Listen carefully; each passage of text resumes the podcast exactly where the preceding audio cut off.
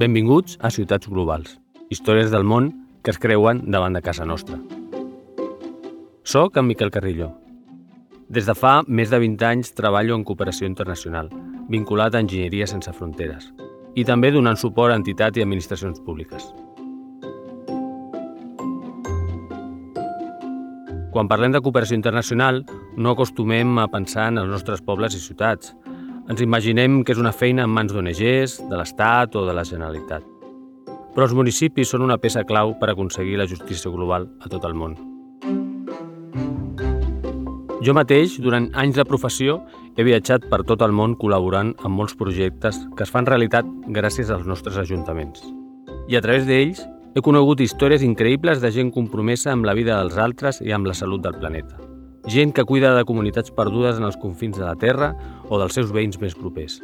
Ara us vull explicar les seves històries en aquest podcast, perquè crec que les seves vides ens poden ajudar a tots a entendre el perquè de tot plegat. Això és Ciutats Globals.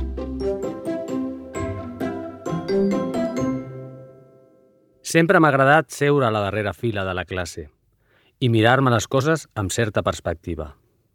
Però quan tenia 9 anys, el nostre municipi va impulsar revisions mèdiques a totes les escoles.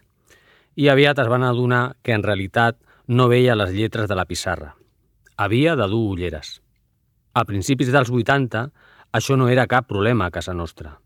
La mateixa tarda que em van diagnosticar miopia, ma mare em va portar una òptica del meu barri i em van col·locar unes ulleres que ja mai m'han abandonat. Encara avui en dia, això no és gens evident a d'altres parts del món. Per això, us vull explicar una història al voltant de la salut visual. Una història que comença amb un encontre entre dones.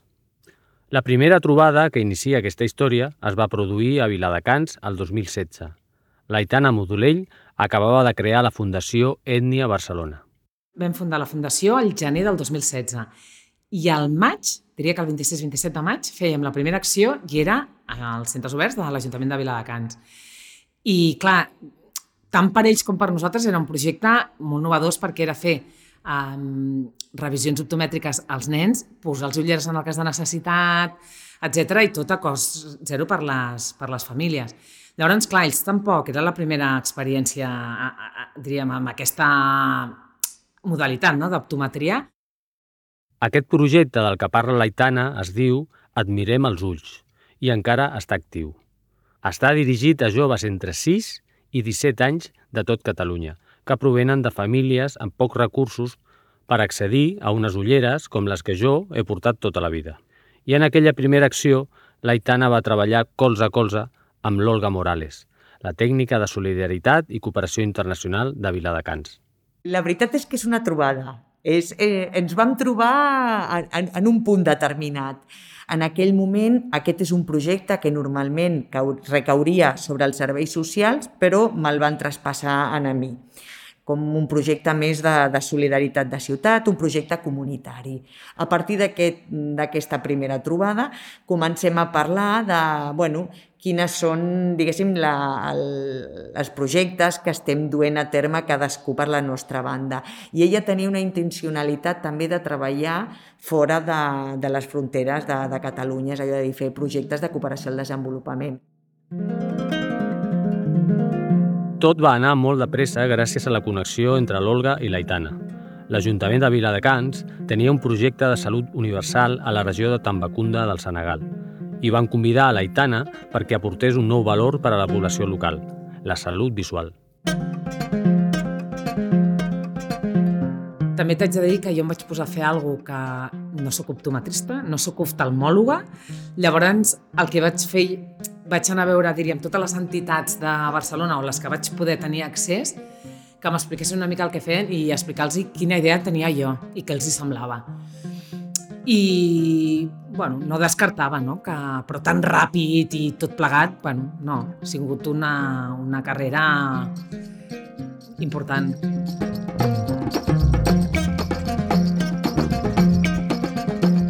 En aquella primera expedició es van fer revisions a adults i a 500 nens d'escoles de la regió. I davant la necessitat es van fer viatges similars durant 3 anys. Llavors ens van adonar de diverses coses. Per un costat, eh, els hospitals eh, de, sí que fan aquestes revisions optomètriques, però ho fa normalment a l'oftalmòleg, com aquí fa 50 anys. I llavors, per a, per a l'altra banda, el que serien ja les correccions pròpiament dites, van veure que, segons les dades del, de l'Organització Mundial de la Salut, el 80% de la ceguesa que es produeix al, a l'Àfrica i, a, i a Senegal és evitable. Allà el que ens trobàvem és que quan et trobaves un cas, eren casos potser de 500 en vam trobar 50, li vam posar el Si Tampoc et penses que era una cosa, però els, els, els casos que vam trobar eren molt exagerats. Però clar, a, o sigui, quan anàvem als pobles i anàvem a les escoles, ens trobàvem en tota la comunitat més adulta esperant que els hi passessin revisió i allà sí que era catastròfic. I allà tots amb unes miopies 10, 12, 15... I clar, nosaltres anàvem de manera puntual durant 3 anys. Bueno, i ara què fas? Perquè, clar, 130 anys no hi veus, el, doncs, bueno, el futur, de certa manera, doncs, se't va reduint, no?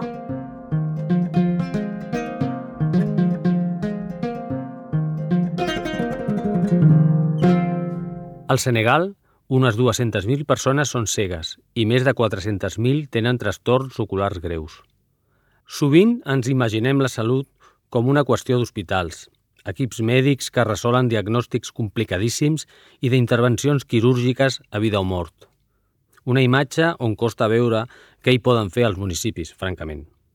Però, en realitat, la salut té tant a veure amb els bisturís i les medicines com amb els determinants socials. Els ajuntaments tenen un paper clau en la promoció de pràctiques de vida saludable, com la higiene, la inclusió social o l'esport o pel que fa al desenvolupament de normatives ambientals o de comerç i en la detecció precoç de malalties que, ateses a temps, poden deixar de ser una amenaça per a la qualitat de la nostra vida. La Madí Danyó, que ara té 29 anys, és una d'aquestes persones amagades darrere les xifres. Ell és el coordinador local de Falú, una organització de Cornellà que col·labora amb aquest projecte de salut visual. La seva història coincideix amb les necessitats amb les que es van trobar l'Aitana i l'Olga.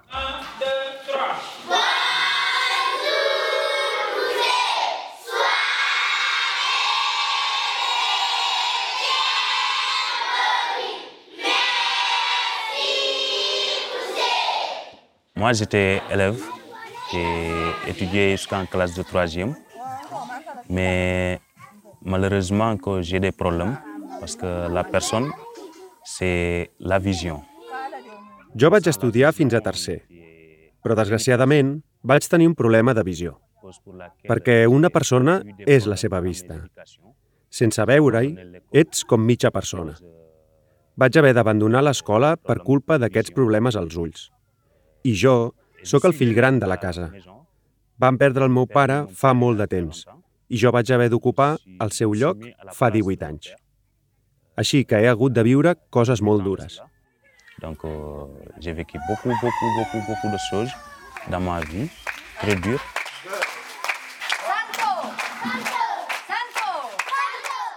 La Madí viu al poblat de Dar es Salaam, a la regió de Tambacunda del Senegal.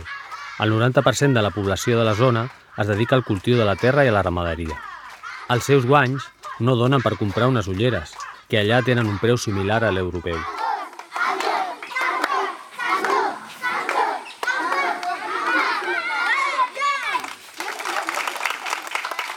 Sans la vision, tu n'es rien. Et Etnia est venu pour me sauver dans cette... Euh, Sense la vista no ets res. I Ètnia va venir per salvar-me d'aquesta situació tan dura i trista, perquè sóc molt jove i aquests problemes afecten a la base de la persona. Jo no podia trobar una solució tot sol, perquè unes ulleres costen molts diners. I no tinc prou feina per pagar unes ulleres així. Hi ha més joves, també en altres pobles, que tenen el mateix problema que jo. I han pogut tenir unes ulleres per continuar estudiant i aconseguir els seus objectius qui apprennent, qui ont les mêmes problèmes que moi. Et ils sont à l'école aujourd'hui et ils ont obtenu ces, ces verres pour vraiment continuer leurs études.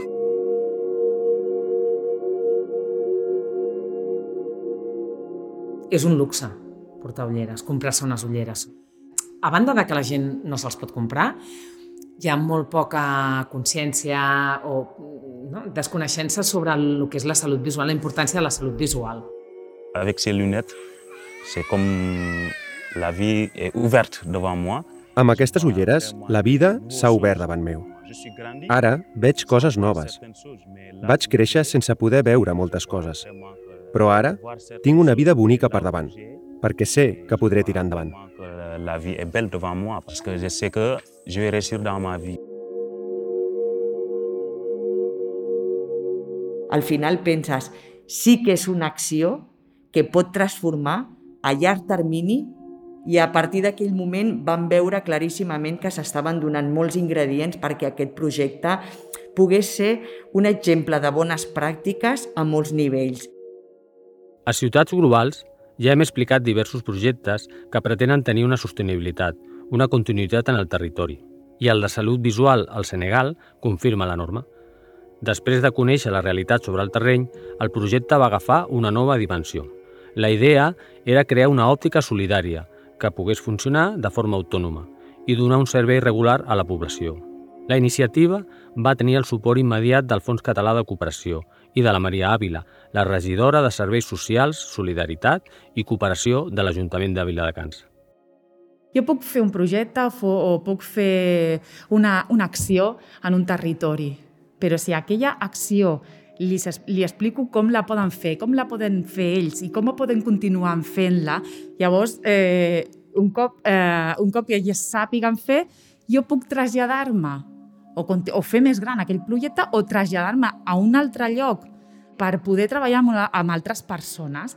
Nosaltres no, vol, no volem que ells depeng, depenguin de nosaltres. Nosaltres el que volem és fer aquest tipus de cooperació perquè avancin, avancin com a persones, avancin com a societat i per això ha de ser integral la, la cooperació. Però l'Aitana, l'Olga i la Maria encara van anar més enllà. Volien que la nova òptica també treballés sobre la igualtat de gènere al Senegal.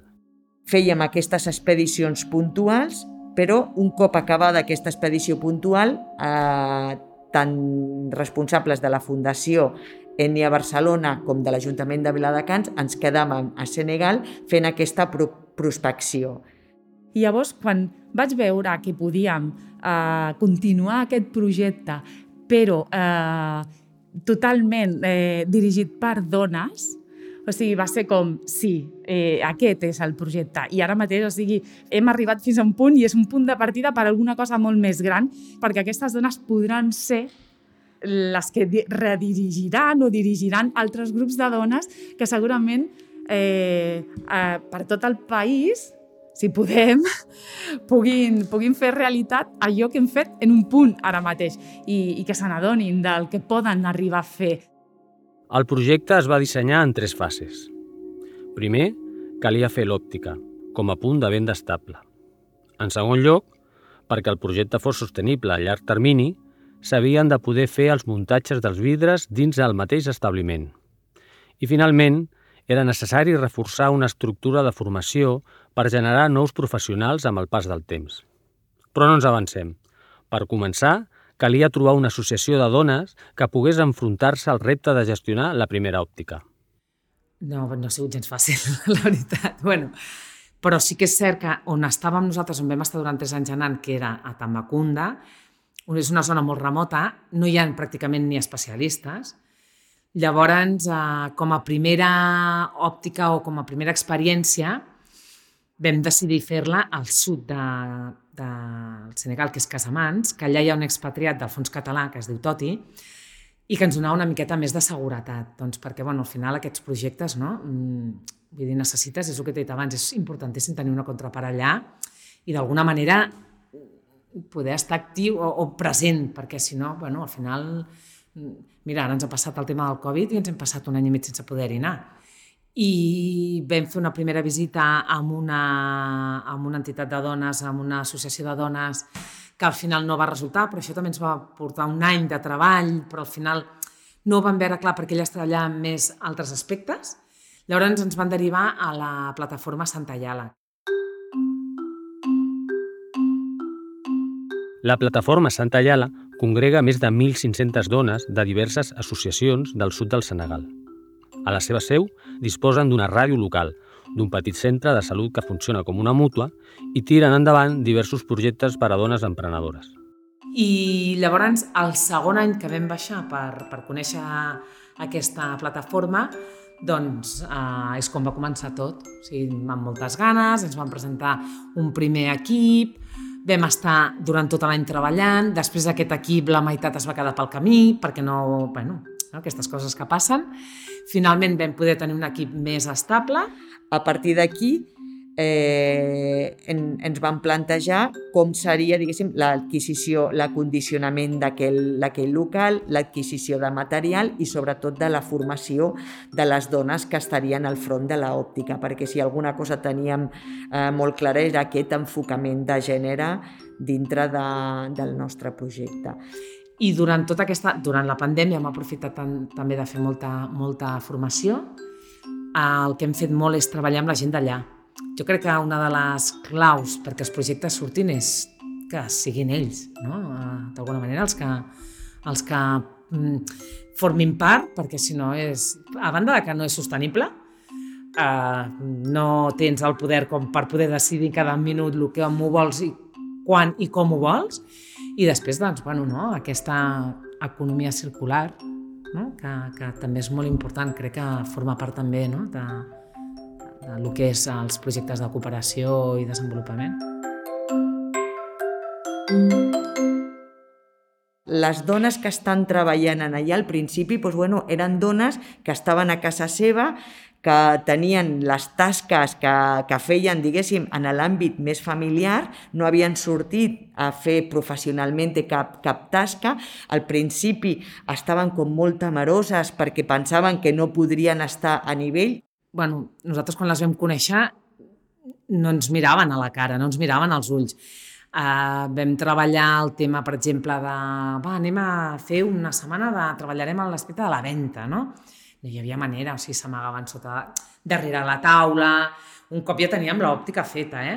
O sigui, els hi costava molt, molt, molt tímides, molt tímides no tan sols en, amb la seva professió, sinó també en el seu àmbit eh, familiar. Això ha suposat, a banda d'una un, entrada d'ingressos per la família i que també se la valori com un actiu econòmicament, diguéssim, potent, sinó també el posicionament que adopten dintre del seu rol també personal. No? I és, és molt gratificant veure que la dona a l'Àfrica és motor de canvi. De seguida, també, una de la gran sort que vam tenir és que la Fatua Coyo, que és la directora de l'òptica, des del minut 1 va entrar al projecte i l'ha liderat d'una manera excel·lent. Que després ella mateixa s'ha fet un equip fantàstic, però ella té una força increïble i és la que ha estat allà i, bueno, entre altres coses, el fet de, de la seva fortalesa i constància i tot plegat i resiliència una mica, doncs eh, hem pogut tirar endavant. Després de dos anys de formació, per aprendre la teoria de l'optometria i la tècnica del taller per fer els muntatges de les ulleres, us presento a la Fatu Acolló, la nova directora de l'Òptica Solidària. On m'a fait des textes pour l'òptic. Em van fer unes proves i així vaig començar a formar part de l'òptica solidària. Vam fer moltes formacions, amb dos formadors diferents, i després també amb l'equip d'ètnia. Va ser llavors quan van confiar en mi per ser la directora de l'òptica solidària. En ce moment-là, qu'on m'a confié d'être la coordinatrice du projet optique solidaire.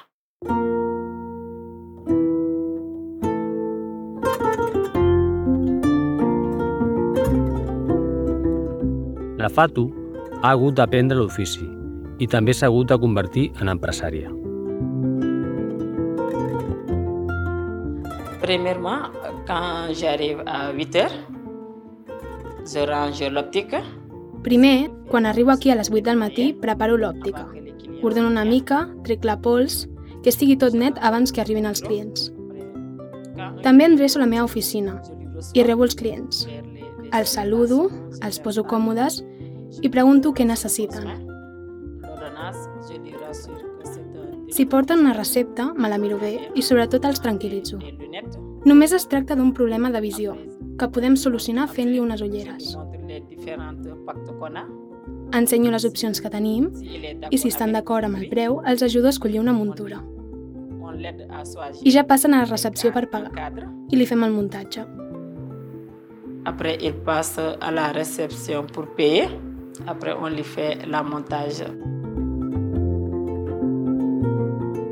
Nosaltres vam conèixer amb una Fatu tímida, retraiguda, que la veies amb molta capacitat i moltes ganes de fer les coses, però en, amb un complex d'inferioritat enorme.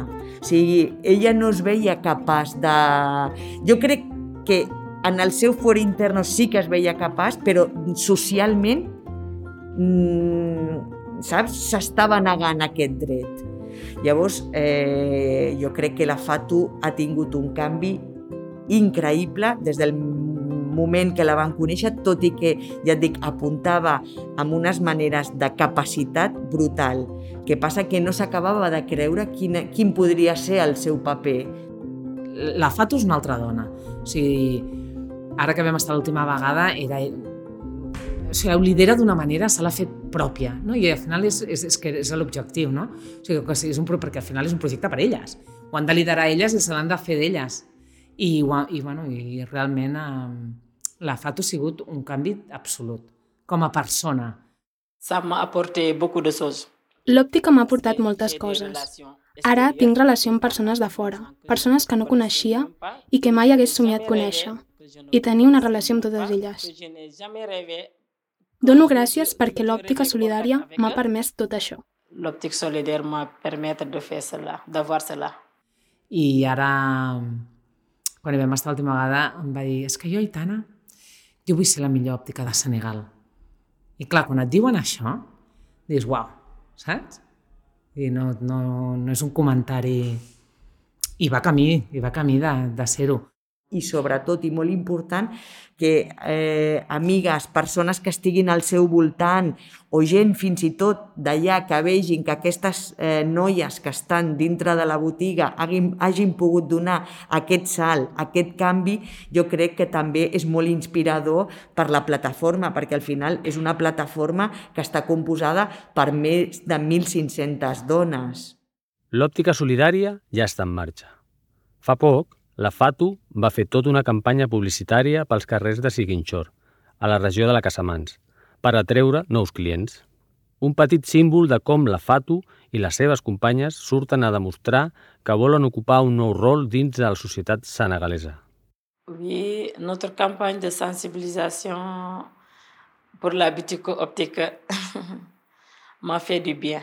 La nostra campanya de sensibilització per l'òptica m'ha anat molt bé perquè la gent no sabia que aquí, a Ziguinchor, hi ha una òptica amb muntures fantàstiques i resistents.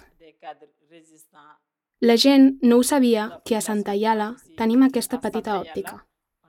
La gent va començar a parlar-ne i cada dia em trucaven de totes bandes preguntant on és Santa Iala? On és aquesta òptica? Chaque, jour, je reçois un appel, un client qui demandait où se trouve Santa Iala, où se trouve la boutique optique. Així que la campanya em va encantar i ens ha donat a conèixer. Ara tothom sap que a Ziguinchor hi ha una òptica amb muntures de molt bona qualitat i amb un equip molt acollidor. Avec des cadres très, très, très solides, très, de très bonne qualité et aussi une, une équipe très accueillante.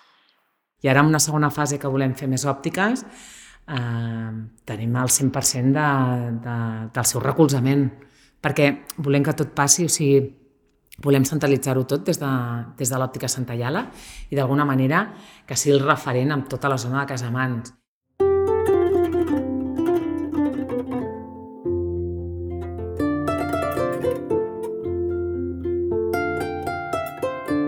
El projecte no s'atura i entra ara en noves etapes, amb tota l'ambició de les dones que s'han anat trobant al llarg del camí.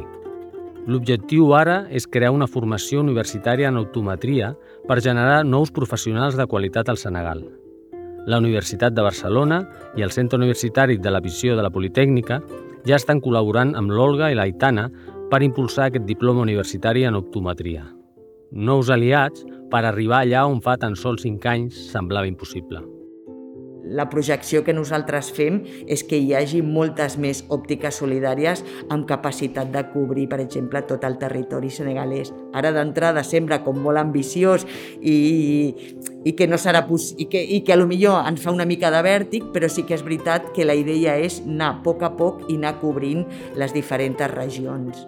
Sigui, volem que tot el país pugui tenir accés a una bona salut visual, Llavors, jo no tinc intenció de moure'm del Senegal fins a acabar això i tenint la sort d'estar de, rodejada de gent no? tan professional com pot ser una Olga, Ajuntament de Viladecans, tot el recolzament dels altres ajuntaments, que també és molt important, perquè al final tenim un recolzament econòmic per part de molts ajuntaments de Catalunya que fa que això passi també, i després doncs, per tota la també professionalitat de tot l'equip de Santa Iala.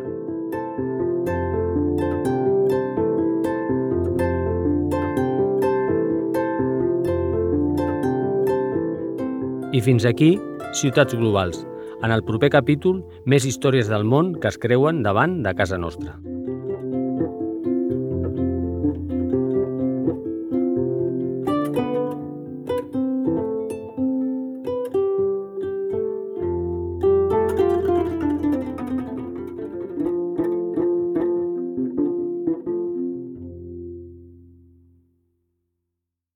Aquest capítol ha comptat amb la col·laboració de Carlos García Vera i la seva productora How Audiovisual i Multimèdia. Ciutats Globals és possible gràcies al Fons Català de Cooperació al Desenvolupament, amb el suport de la Diputació de Barcelona i la col·laboració del diari Ara.